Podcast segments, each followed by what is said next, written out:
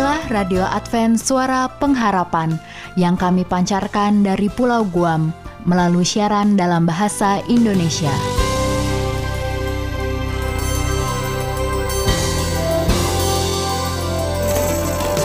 Salam sejahtera kami sampaikan kepada para pendengar kami di mana pun Anda berada. Selamat berjumpa kembali dengan kami, Radio Advent Suara Pengharapan. Dengan senang hati, kami akan menemani Anda melalui rangkaian acara yang telah kami persiapkan khusus bagi Anda sekeluarga. Harapan kami semoga siaran ini dapat bermanfaat dan menjadi berkat bagi Anda semuanya. Selamat mengikuti dan selamat mendengarkan. Tuhan memberkati.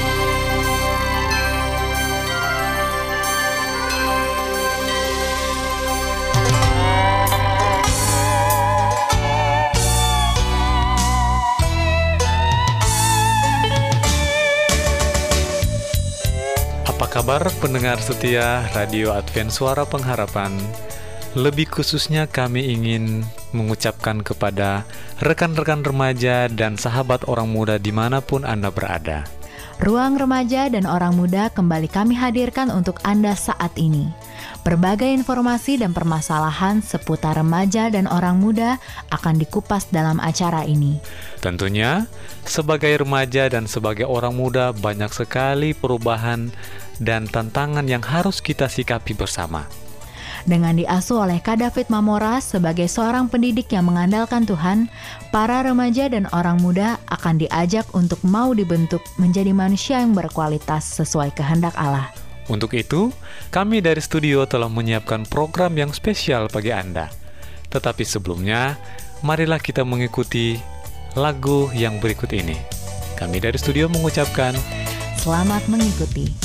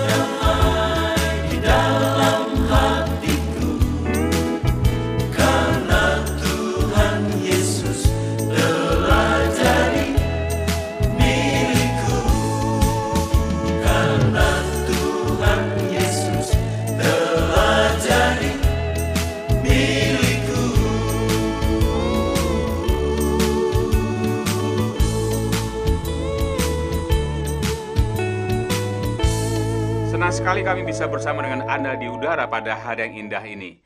Dan pada hari yang spesial ini, kami ingin bertemu dengan para orang muda dan remaja di mana pun Anda berada. Kami berharap kita semua dalam lindungan Tuhan dan sehat sentosa. Nah, untuk Anda semua, para pendengar setia kami, orang muda dan remaja, di mana pun Anda berada, hari ini kami mau mengajak kita mempelajari firman Tuhan dengan judulnya, Tuhan sedang membawa kita ke tempat yang lebih tinggi. Dan ayat firman Tuhan pada hari ini terdapat di dalam Yesaya 48 ayat 17. Beginilah firman Tuhan, penebusmu yang maha kudus Allah Israel. Akulah Tuhan Allahmu yang mengajar engkau tentang apa yang memberi faedah, yang menuntun engkau di jalan yang harus kau tempuh. Remaja dan orang muda sekalian, Latar belakang dari pasal ini diawali ketika Nabi Yesaya menyampaikan sebuah pesan Tuhan kepada orang-orang Israel yang pada waktu itu ada di pembuangan Babel. Di satu sisi, mereka rindu untuk pulang ke kampung halamannya. Tapi, tidak sedikit dari mereka yang sudah merasa nyaman tinggal di Babel dengan segala adat istiadat dan budayanya. Bahkan, turut serta menyembah apa yang bangsa Babel sembah. Nah, Nabi Yesaya menegur mereka yang sudah tidak lagi hidup sesuai dengan perintah Allah dan mereka kehilangan semangat untuk menjadi saksi Tuhan untuk memenuhi rencananya atas dunia ini. Jangan sampai mereka kehilangan hal-hal bernilai yang sedianya diperuntukkan bagi mereka. Dari situ, Tuhan pun menguatkan mereka yang lemah supaya kembali percaya kepada janji-janji Tuhan. Mereka diserukan untuk bertobat dan memperbarui komitmen iman mereka atas panggilan Tuhan.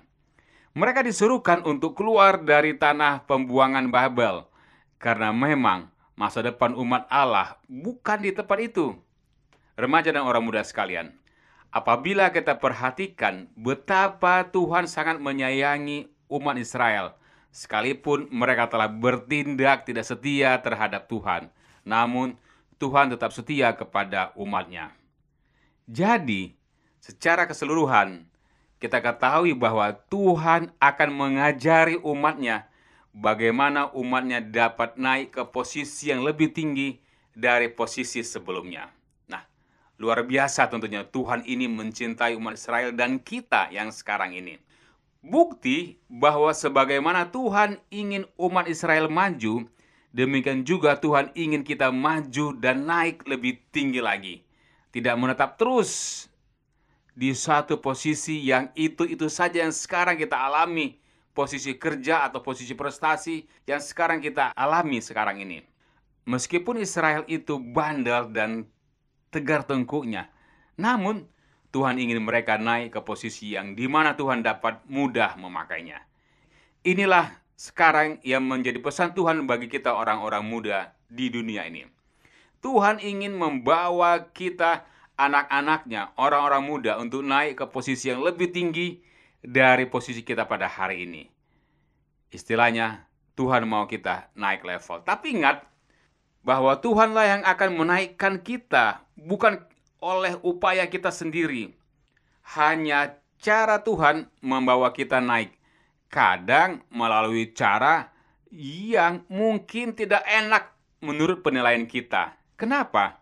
Karena Tuhan bukan sekedar membawa umatnya naik dan kemudian menduduki sebuah jabatan atau posisi tertentu atau prestasi tertentu semata-mata, tapi membawa kita orang-orang muda umatnya ke level iman yang lebih baik, pengenalan akan Tuhan yang lebih matang, memahami apa yang disebut dengan kehendak Tuhan, memahami ke mana harus melangkah dalam tuntutan Tuhan, dan berfungsi dengan lebih efektif bagi kerajaan surga.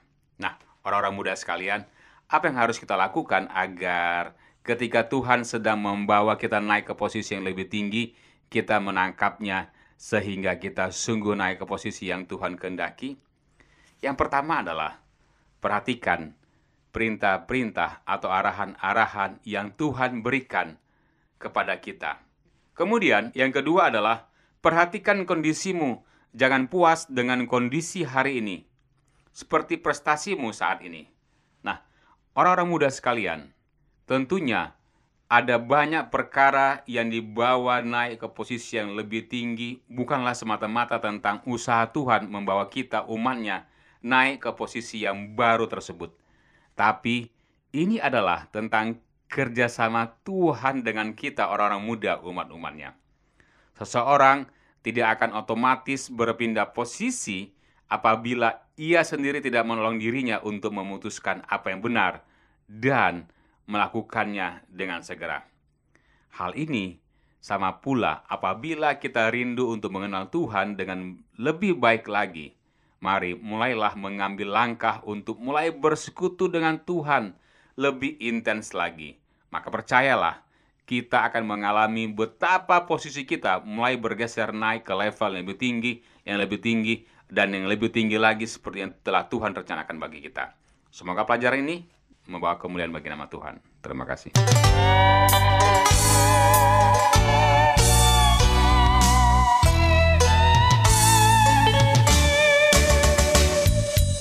Terima kasih kepada rekan-rekan orang muda dan sahabat remaja di mana pun berada.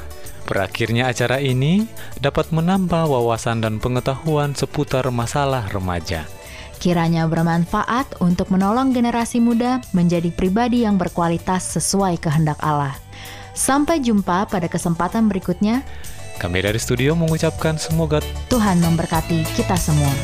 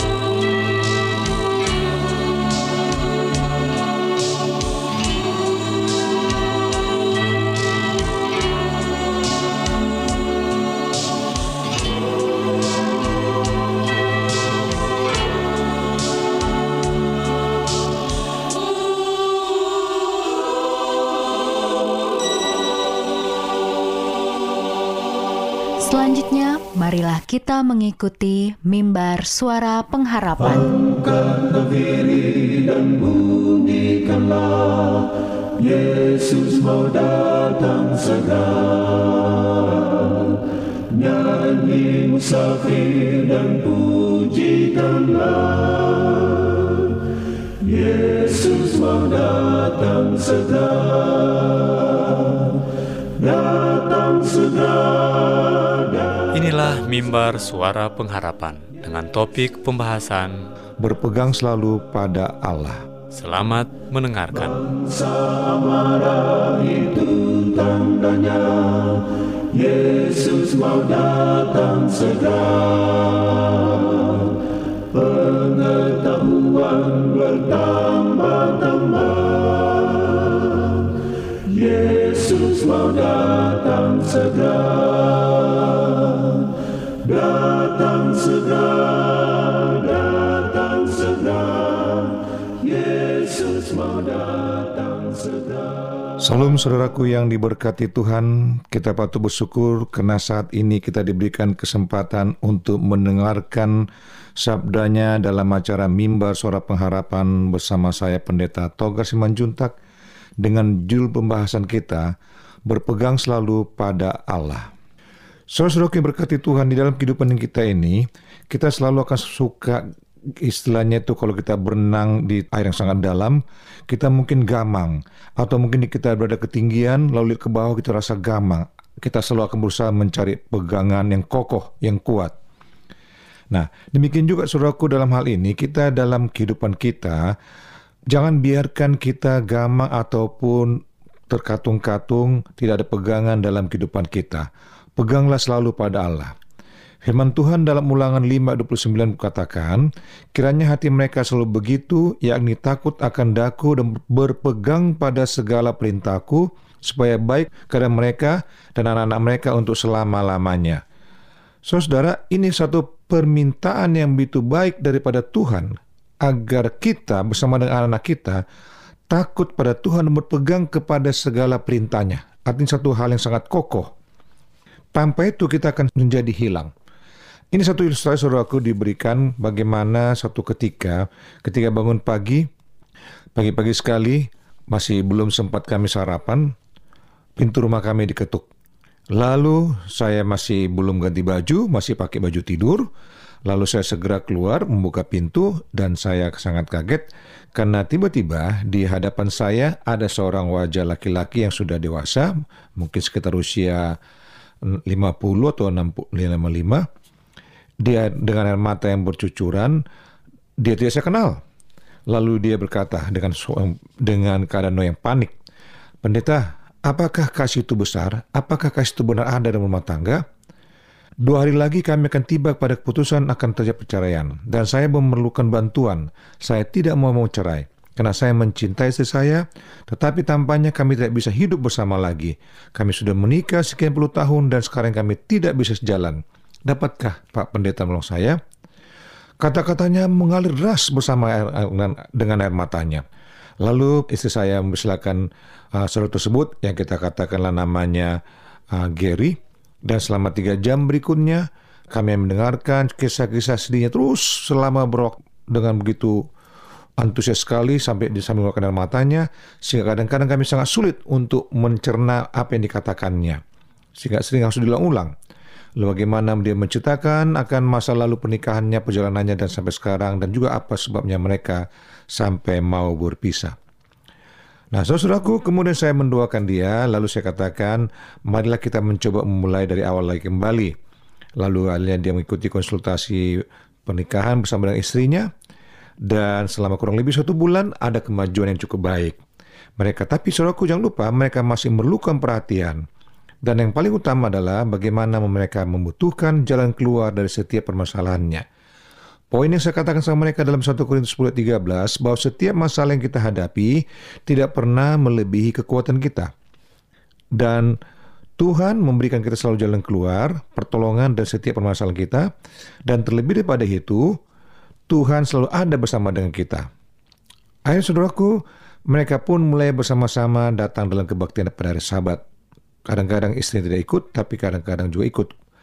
Dan dalam satu tahun itu kemudian mereka mulai mengadakan hubungan mereka sudah semakin lebih baik.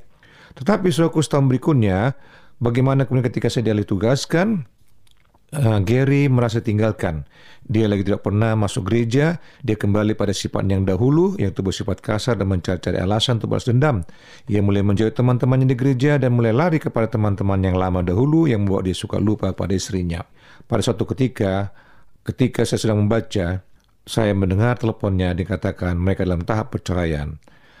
Lalu saya mencoba mendatangi mereka, tetapi karena begitu jauh, susah juga menemuinya. Dan apa yang harus saya ambil hikmat dari pelajaran saudara untuk Anda juga sekalian. Segala cara apa pun yang untuk diperlakukan untuk menolong Anda, untuk memperbaiki kehidupan Anda, jika tidak diikuti dengan kepatuhan kepada Tuhan dan tanpa mengikuti rencananya, maka tidak akan menghasilkan kesembuhan atau perbaikan yang permanen untuk masa depan. Ingat, tidak akan bisa apa pun yang selalu dilakukan, apa pun alat yang kita buat menolong Anda. Jika Anda tidak mengikuti dengan kepatuhan kepada Tuhan dan tidak mengikuti rencananya, itu semuanya akan sia-sia. Lalu yang kedua, yakinkan pada diri Anda bahwa Anda mempunyai Tuhan sumber, sumber hidup Anda dan berpegang teguh kepadanya. Lalu yang keempat, jangan pernah untuk mengandalkan orang-orang Kristen lainnya atau siapa pun saudara Anda orang-orang hebat sebagai sumber pegangan hidup Anda. Karena mereka juga manusia yang berdosa yang satu ketika kelak akan bisa mengecewakan Anda. Lalu yang kelima, apabila kita meninggalkan Tuhan selalu setelah sebelum kita mengenal penyelamatannya, maka kita pun akan dicaplok, disambar, diikat oleh iblis untuk kembali kepada kehidupan kita yang lama. So aku, ingatlah, Iman dalam dan Roh yang mau diajar, mau menerima, menghasilkan perubahan tabiat, dan bila tabiat telah diubahkan, maka juga tingkah laku, karakter kita harus juga berubah. Dan kita harus bisa mau menanamkan itu perubahan dalam diri kita. Kalau tidak, maka Anda akan seperti keluarga Gary tadi, sudah mau ke gereja bersama istri, tapi karena mereka hanya berpatokan kepada manusia, kepada seorang pendeta, tapi pendetanya pindah tidak berada tempatnya itu lagi, maka mereka kembali gamang, tidak ada pegangan, tidak ada yang mereka lihat. Karena mereka bukan melihat kepada Tuhan, bukan berpegang pada Tuhan. Nah, saudaraku, inilah satu masalah timbul dalam keluarga. Di mana pun Anda berada. Alkitab katakan dalam ulang 529, Peganglah selalu pada perintahku, supaya engkau dan anak-anakmu akan baik untuk selama-lamanya. Pegang saudaraku, kokoh, belajar dengan Tuhan. Jangan melihat kepada manusianya. Manusia memang bisa memberikan saran, nasihat, tapi intinya saudara tetap berpegang pada Tuhan. Apakah Anda mengandalkan orang lain untuk menjaga tingkah laku Anda supaya tetap baik, atau Anda menggantungkan Anda pada Kristus untuk mengubahkan tabiat Anda? Itu sangat bergantung kepada pribadi Anda. Yang jelas Allah merindukan Anda untuk datang kepadanya, berpegang teguh kepadanya. Saudara yang berkati Tuhan, jika Anda punya masalah atau sesuatu yang didiskusikan, ingin didoakan, hubungi kami di 0813 1884 1488 dengan penuh sukacita kami kembali Anda. Salam saudaraku, Tuhan memberkati. Amin.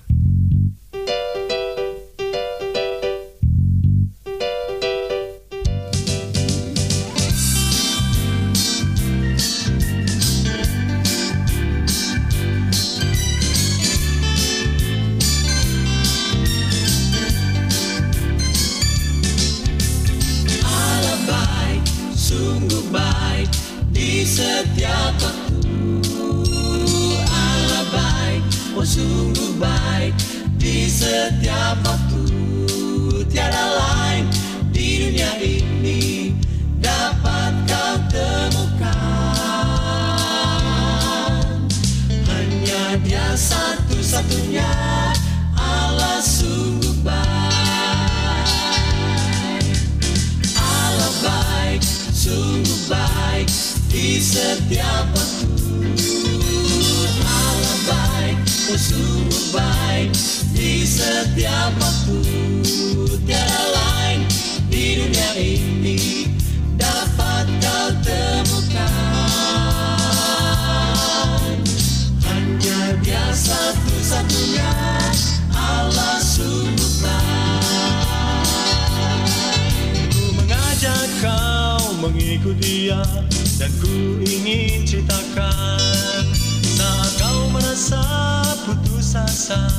Kau bimbang tak menentu.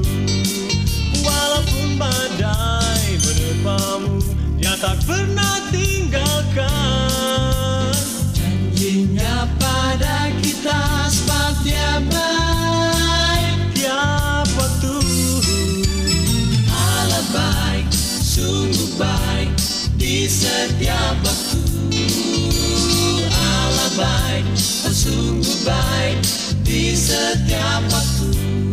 Tiada lain di dunia ini dapat kau temukan. Hanya dia. Demikianlah rangkaian program acara dari kami.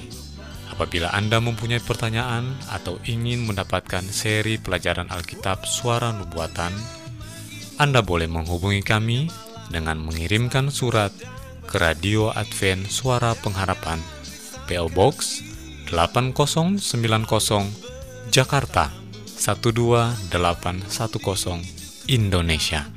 Telepon 0821 1061 1595. Alamat email awrindonesia@yahoo.co.id. Anda juga dapat bergabung di Facebook kami, pendengar radio Advent Suara Pengharapan, juga radio Advent Suara Pengharapan. Terima kasih kami ucapkan bagi Anda semua pendengar kami yang setia. Kita akan berjumpa kembali pada waktu dan gelombang yang sama esok hari. Salam kasih dan sejahtera. Tuhan memberkati. Allah baik, sungguh baik di setiap waktu. Sungguh baik di setiap waktu. Tiada lain di dunia ini dapat kau temukan